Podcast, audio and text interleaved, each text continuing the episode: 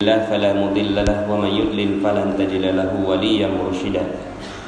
أشهد أن لا إله إلا الله وأشهد أن محمدا عبده ورسوله لا نبي بعده. اللهم صل وسلم على نبينا محمد.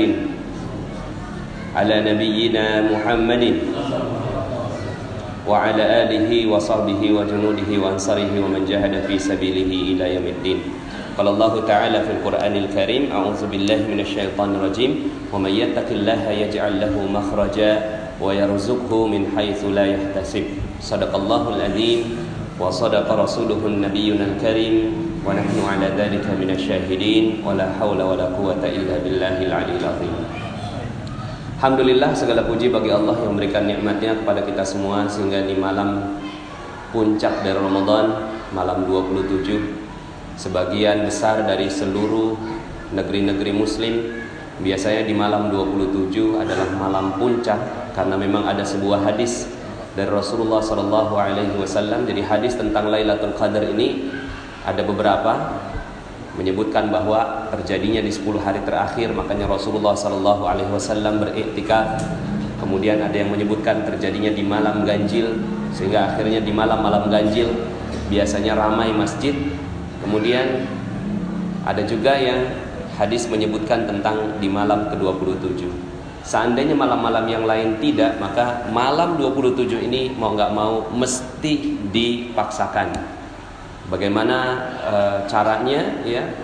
E, diatur sedemikian rupa sehingga akhirnya kita di malam 27 ini betul-betul beribadah kepada Allah Subhanahu wa taala.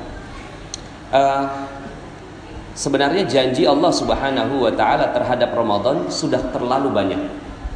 Cuma yang aneh adalah kenapa janji-janji itu tidak membuat umat Islam khususnya umat Islam Indonesia itu bersemangat Contohnya nggak bersemangat adalah semangatnya di awal saja, di akhirnya melempem. Ya, alhamdulillah kita bersyukur di masjid ini masih ramai, walaupun sudah pastinya juga lebih berkurang. Kita doakan semoga yang berkurang ini bukan karena melemahkan semangat, tapi karena sudah pulang kampung, ya. sudah mudik.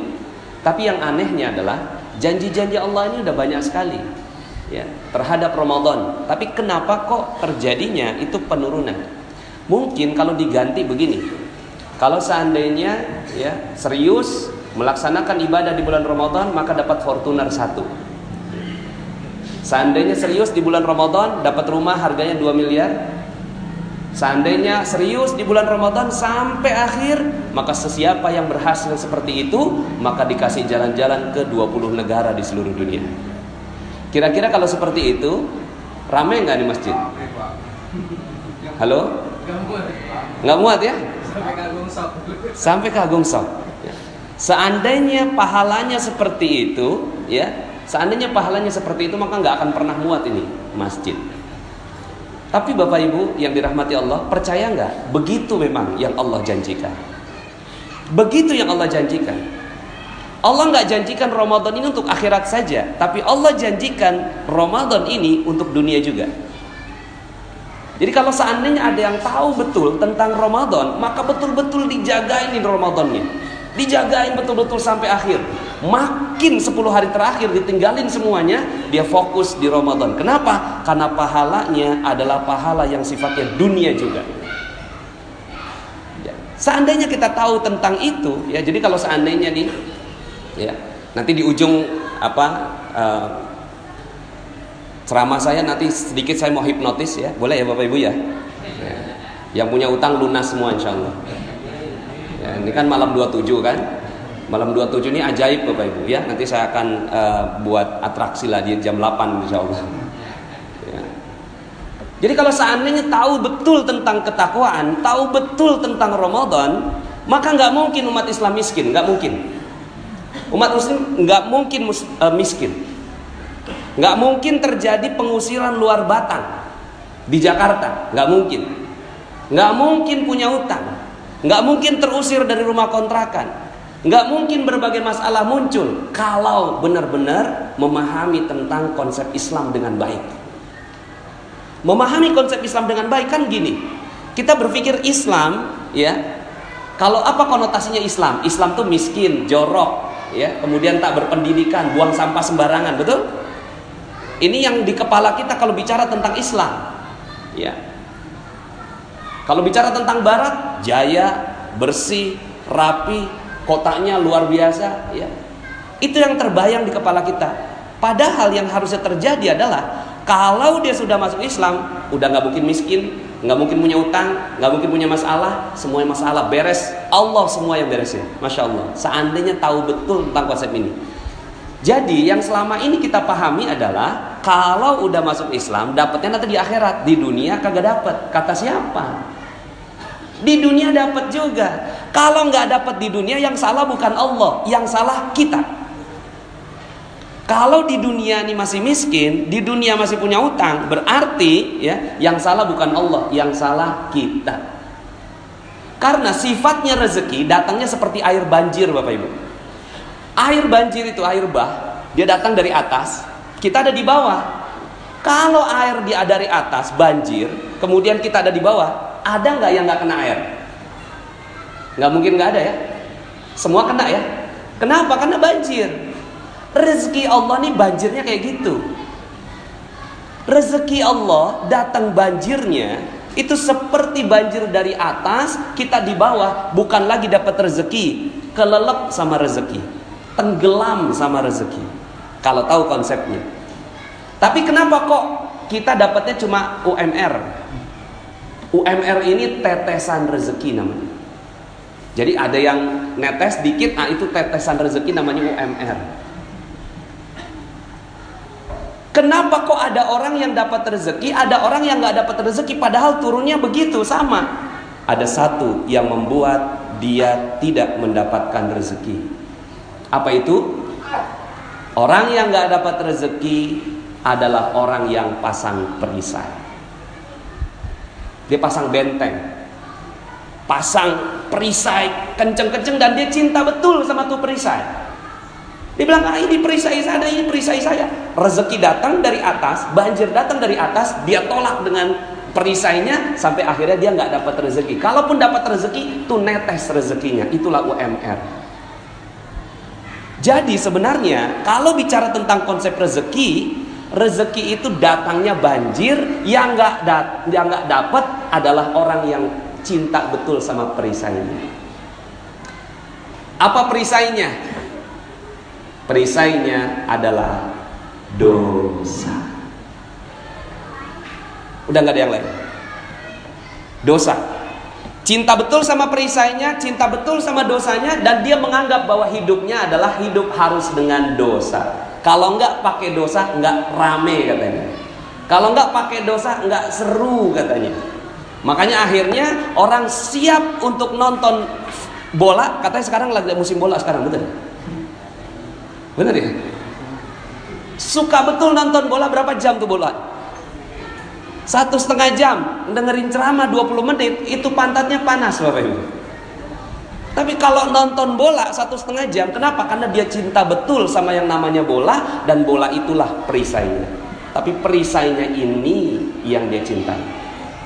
Nah, ini kebalik konsepnya. Kalau dia tahu betul, maka rame ini masjid. Seandainya dia tahu bahwa yang harus dilakukan bukan cari rezeki, bukan Bukan cari rezeki, ngapain cari rezeki? Yang perlu dilakukan adalah itu lepas perisainya. Maka rezeki langsung datang. Yang tadi saya bacakan di dalam rokaat yang kedua itu dakwahnya Nabi Nuh alaihi salam. Dakwahnya Nabi Nuh, beliau mengatakan fakultu astaghfiru rabbakum innahu kana ghaffara. Minta ampun sama Allah. Maka Allah akan lepas perisai kamu. Begitu. Allah buka nih perisainya. Lepas perisainya. Kok cinta betul sama perisai? Kok cinta betul sama dosa? Mata ngelihat yang maksiat, itu kalau nggak dilihat rugi. Dengerin lagu-lagu, kalau nggak didengerin nggak asik. Ini cinta betul kita dengan perisai kita. Ya. Terus kemudian nyakitin orang, bikin orang tersinggung. Kayaknya kok seru. Gosip, kalau nggak digosok, ya nggak makin sip. Kalau nggak ngomongin orang kayaknya nggak seru. Padahal itu masya Allah, itu perisainya. Ya.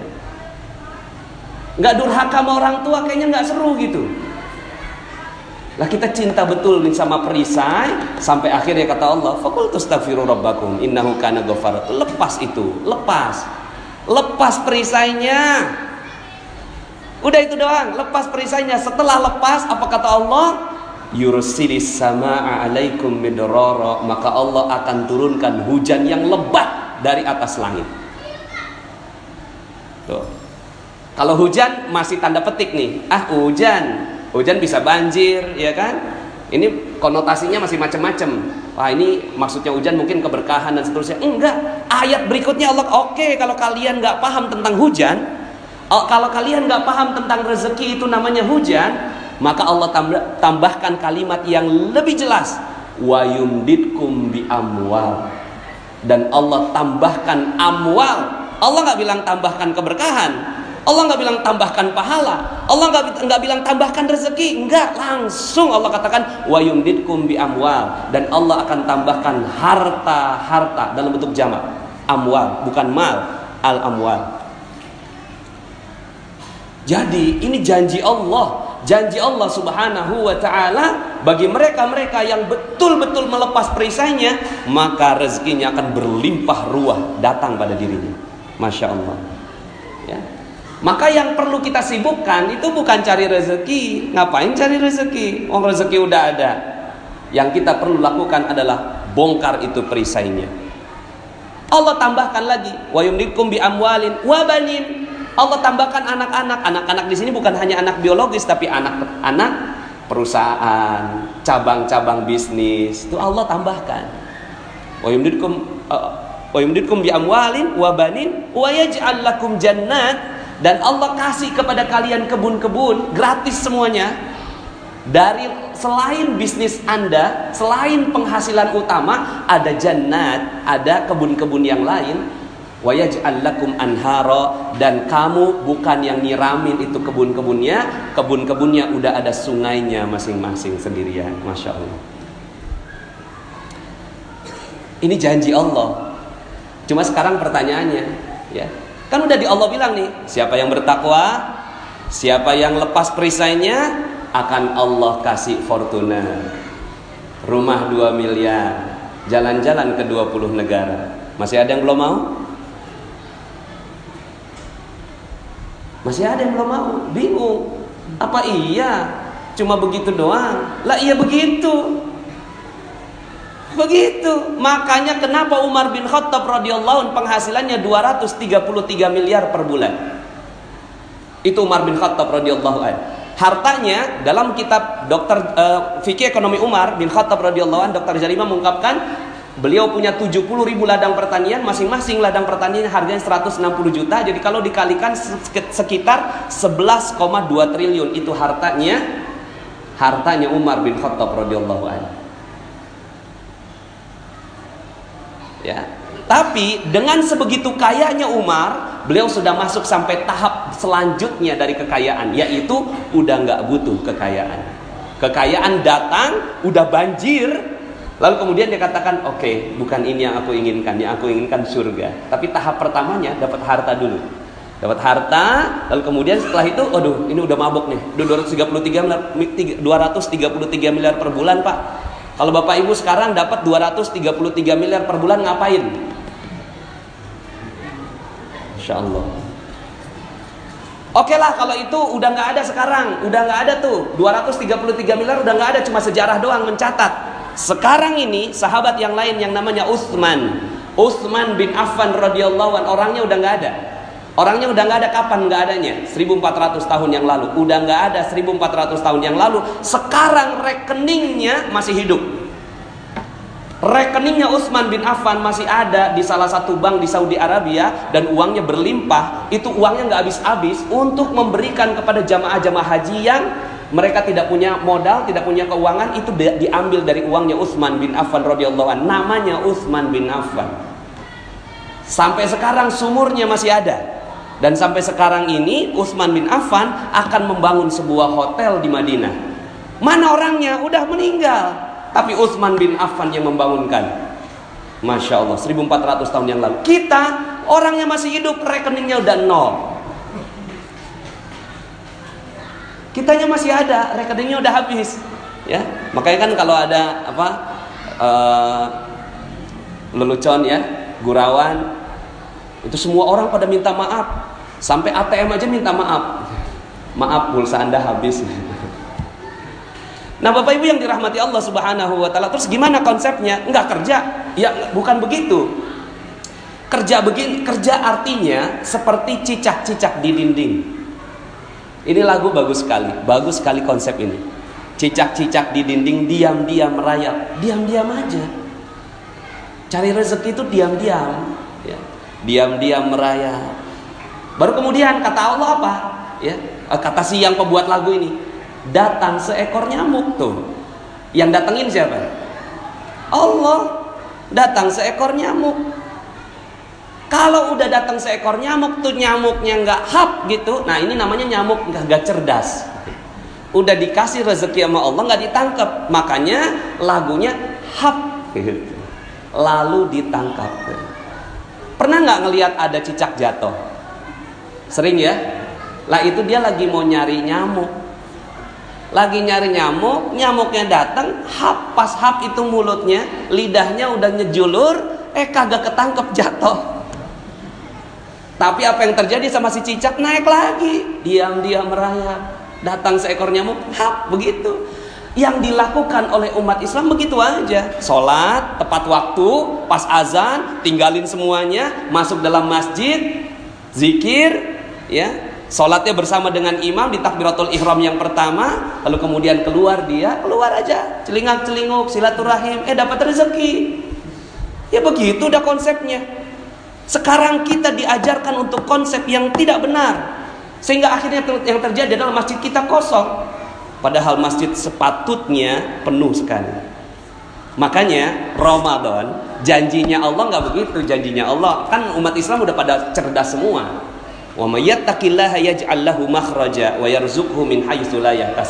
Barang siapa orang-orang yang bertakwa maka Allah buka semua masalahnya. Allah buka semua masalahnya dan akan diberikan rezeki dari arah yang tidak disangka-sangka. Ini kan harusnya cerdas memahami ini. Makanya Allah Janjinya Ramadan, man soma Ramadana imanan wahtisaban ghufira lahu ma taqaddama zambi. Barang siapa yang berpuasa dengan penuh iman, dengan penuh penghisapan, dengan penuh perhitungan, maka Allah akan buka perisainya. Tuh, janji Allah nggak ada yang lain tuh. Allah janjinya dibuka perisainya. Ketika dibuka perisainya, kira-kira rezekinya bagaimana? Masya Allah. Salah satu perisai, ini yang mau saya bongkar nih perisainya banyak sekali. Dan ini yang kita akhirnya perlu tahu dan perlu memahami ilmu perisai namanya. Ya, ilmu perisai. Nah, itu saya alhamdulillah bukunya udah apa namanya insya Allah sebentar lagi jadi di bulan Agustus insya Allah terbit itu saya buka tuh semua perisai-perisai yang membuat akhirnya kita terhalang dari rezeki. Jadi ternyata yang kita perlu lakukan hanya ini aja. Yang kita perlu lakukan hanya bagaimana kita membongkar perisainya. Salah satu yang saya bongkar adalah utang. Nih, setelah ini saya mau hipnotis Bapak Ibu semua sehingga akhirnya hutangnya lunas. Ya. Kemarin kan Pak Sawal nanya, lagi ngapain Pak Nas? Ini lagi bikin buku. Ini kalau orang baca buku saya langsung lunas utangnya. Kok kata Pak Sawal kok seru juga tuh. Tapi apa iya bisa? Nah, ya udah deh. Supaya nggak nunggu bukunya, saya praktekkan di sini. Bismillah ini duduknya agak-agak uh, ini ada mau yang lunas utangnya? Yang mau lunas utangnya duduknya agak benar dulu dikit. Gini Bapak Ibu, ini saya kasih tahu konsepnya. Namanya konsep law of projection. Apa itu law of projection? Law of projection berkata bahwa ada laptop, ada proyektor, betul? Kemudian ada layar. Di sini alhamdulillah udah punya layar. Ada proyektor, ada layar, ada laptop. Sekarang pertanyaannya, ini gampang sekali akhirnya menjelaskan seperti ini karena kita sudah mengerti tentang teknologi. Apa yang ada di laptop dengan apa yang ada di layar itu sama atau beda? Sama, pasti sama. Kalau saya pencet spasi, langsung dia berubah. Di laptop berubah, di layar berubah. Betul? Ini namanya law of projection. Apa yang terjadi sebenarnya? Yang terjadi adalah si proyektor ini memancarkan cahaya yang tidak berhenti, terus gitu. teng teng teng teng teng teng sampai akhirnya si laptop itu di layar sama persis. Nah, Bapak Ibu, nasib kita itu seperti layar. Nasib kita seperti layar. Dan proyektornya Allah kasih di setiap kita namanya otak. Kita adalah proyektor dan dia ini memancarkan energi teng teng teng teng setiap saat. Jadi dia memancarkan energi berapa kali? Sehari 60 ribu kali. Itu namanya kalau dalam hitungan uh, frekuensi 60 Hz. Dia 60 ribu kali memancarkan energi. Teng, teng suka nggak suka, mau nggak mau, sadar nggak sadar, itu langsung. Nih Bapak Ibu sekarang, yang sekarang sedang berada, ini lagi memancarkan energinya. Pikirannya semua lagi terpancar, ya. Nah, apa yang ada? Laptopnya apa laptopnya? Laptopnya adalah pikiran, nggak kelihatan. Pikiran, pikiran itu di dalamnya otak. Otak inilah mesinnya, layarnya nasib kita. Nah, selama ini kita memproyeksikan utang. Utang, utang, utang, utang, utang, utang, utang, utang. Kira-kira jadinya apa di layar? Halo? Utang. Ah, udah cerdas nih. Jadi di layar yang yang terlihat apa kira-kira? Utang. Sampai kapan pun orang yang berpikir begini, sampai mati, sampai meninggal, dia nggak akan pernah lunas utangnya. Percaya sama saya. Kenapa? Karena pikirannya itu diliputi hutang. Hutang, hutang, hutang. Aduh, ini motor belum bayar, mobil belum lunas, rumah masih KPR. Akhirnya sampai kapan pun, udah pun lunas, akhirnya mau utang lagi. Aduh, ini udah selesai nih, beres nih satu nih. Ah, kita sekarang utang lagi. Terus utang, utang, utang, utang sampai meninggal dunia dia akan terus memiliki utang. Nah, karena konsepnya law of projection gampang. Dalam waktu sedetik saya bisa katakan bahwa utang Bapak Ibu lunas. Gimana caranya? Waktu itu ada yang datang begini. Ustaz, hidup saya hancur. Nah, hidup saya hancur, hancur itu energi. Saya bilang, wow, keren. Kok keren sih Ustaz? Iyalah keren. Dia proyeksinya apa? Hancur, hancur, hancur, hancur. Saya apa? Keren, keren, keren, keren. Iya Ustaz, hidup saya itu hancur karena banyak utang. Wow, dahsyat. Kok dahsyat sih Ustaz? Dia utang, saya dahsyat. Eh coba cerita, berapa utangnya? 200 juta Ustaz. Wah, keren banget. Luar biasa nih, ya. Kok luar biasa? Ustaz ini saya udah mau dipenjara nih gara-gara punya utang ini. Gini loh, zaman sekarang ini ya. Zaman sekarang ini dipinjemin sejuta aja nggak gampang loh kamu itu dipinjeminnya sampai 200 juta loh. Berarti kamu tuh orang yang amanah ya. Sampai orang mau percaya sama kamu. Iya juga ya. Iya dong, kamu udah nggak punya utang sebenarnya. Yang kamu punya itu amanah. Selama ini kepalanya dia utang, utang, utang, utang. Kapan kebayar kira-kira? Nggak akan pernah kebayar. Ganti, switch, pencet spasi, Pencet spasi, pas pencet spasi yang muncul amanah. Maka kalau seandainya dia utang-utang-utang maka layar utang. Kalau amanah langsung keganti di layar datang amanah bertubi-tubi padanya. Amanah langsung datang. Sekarang 200 juta itu modal kerja. Setelah itu gitu ya, datang amanah lain berupa customer yang loyal, karyawan yang setia, supplier yang baik hati. Itu amanah yang didatangkan pada dirinya. Jadi saya tanya sama dia, masih punya utang nggak? Nggak punya Ustaz. Yang dipunya apa? Amanah. Wah, subhanallah. Hiduplah dengan begitu, insya Allah nanti amanahnya akan bertambah-tambah. Sekarang saya mau tanya di ruangan ini. Nggak tahu kalau di bawah pada ngerti nggak? Saya mau tanya, masih ada yang punya utang? Halo? Hah? Masih? Oh belum paham berarti. Sekarang saya mau tanya sekali lagi. Masih ada yang punya utang di sini? Hah? Sekali lagi saya mau tanya. Uh, yang yang jawab banyak berarti ngantuk. saya mau tanya sekali lagi. Ada yang masih punya utang di sini? Udah nggak ada? Yang punya apa? Nah, amanah.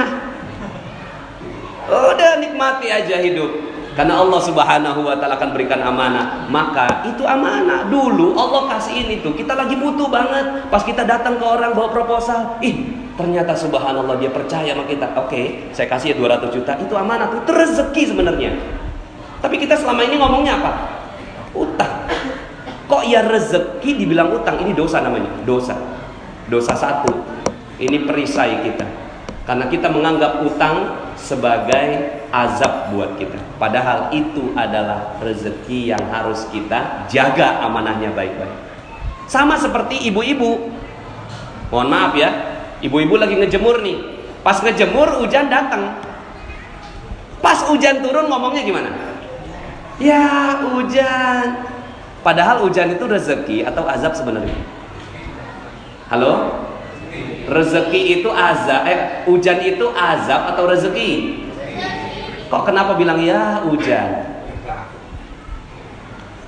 Saat itu dia menolak rezeki. Maka ya saya buka satu lagi deh perisai kedua supaya ini lima menit boleh ya?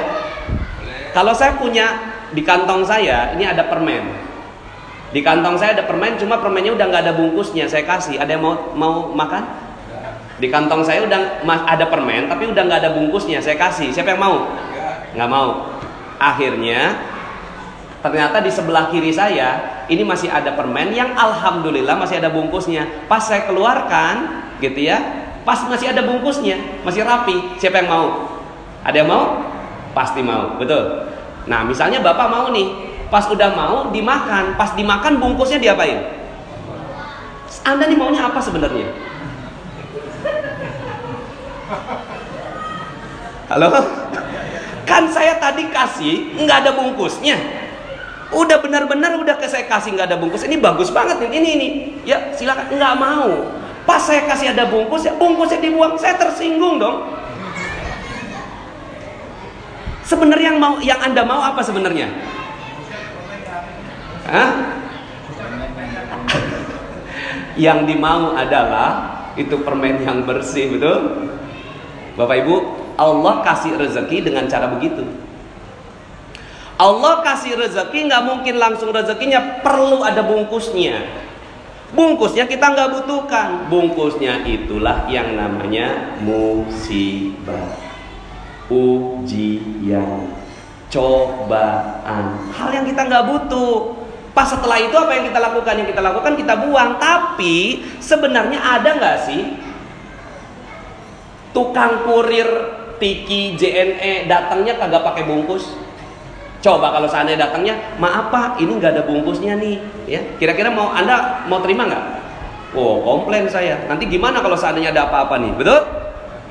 Jadi kalau seandainya nih kurir nih datang bawa bungkusnya anda nggak tahu di dalamnya isinya apa. Anda tanda tangan nggak? Di tanda tangan kan? Oke saya tanda tangan terima. Artinya kita terima tuh bungkusnya. Tapi ada nggak? Misalnya begini, aduh maaf nih saya nggak terima bungkusnya, udah kebanyakan bungkus di rumah saya, buka aja deh bungkusnya, nanti isinya yang saya tanda tangan. Apa kata si tukang kurirnya? Aduh maaf pak, saya nggak berani. Ya udah kalau nggak berani pergi aja. Itulah yang kita lakukan setiap hari. Ini rezeki datang berupa hujan. Pas lagi ngejemur, hujan turun. Ya, hujan, itu bungkusnya.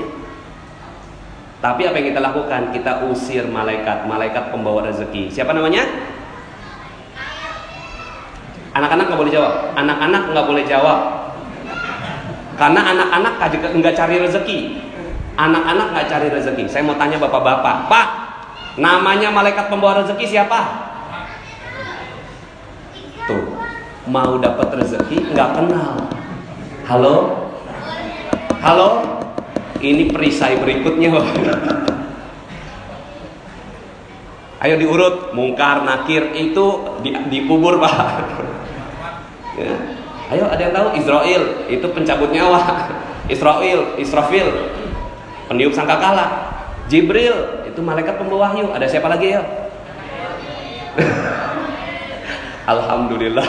Ini Pak, kalau kita kagak tahu mereknya, kita kagak dapat rezeki. Mereknya aja kita lupa. Namanya Mikail. Malaikat Mikail itu bawa rezeki tiap hari rajin betul malaikat Mikail dari atas. Turun ke bawah bawa rezeki, tapi bungkusnya duluan. Apa yang kita lakukan terhadap malaikat Mikail? Maaf, saya nggak butuh kamu. Pergi malaikat Mikail. Oke ya, saya cuma kurir. Man yuridillahu bihi khairan yusib minhu. Barang siapa yang mau Allah kasih rezeki, Allah kasih musibah terlebih dahulu. Nah, ini kita nggak tahu nih. Tuh, rezeki kita apa yang selama ini? Kita mengeluh, ya, kita nggak suka dan seterusnya. Nah, ini baru baru dua perisai saya buka, udah enteng. Sekarang saya mau tanya, masih ada yang punya utang di sini? Halo? Masih ada yang punya utang? Inilah ceramah paling cepat ngelunasin utang orang.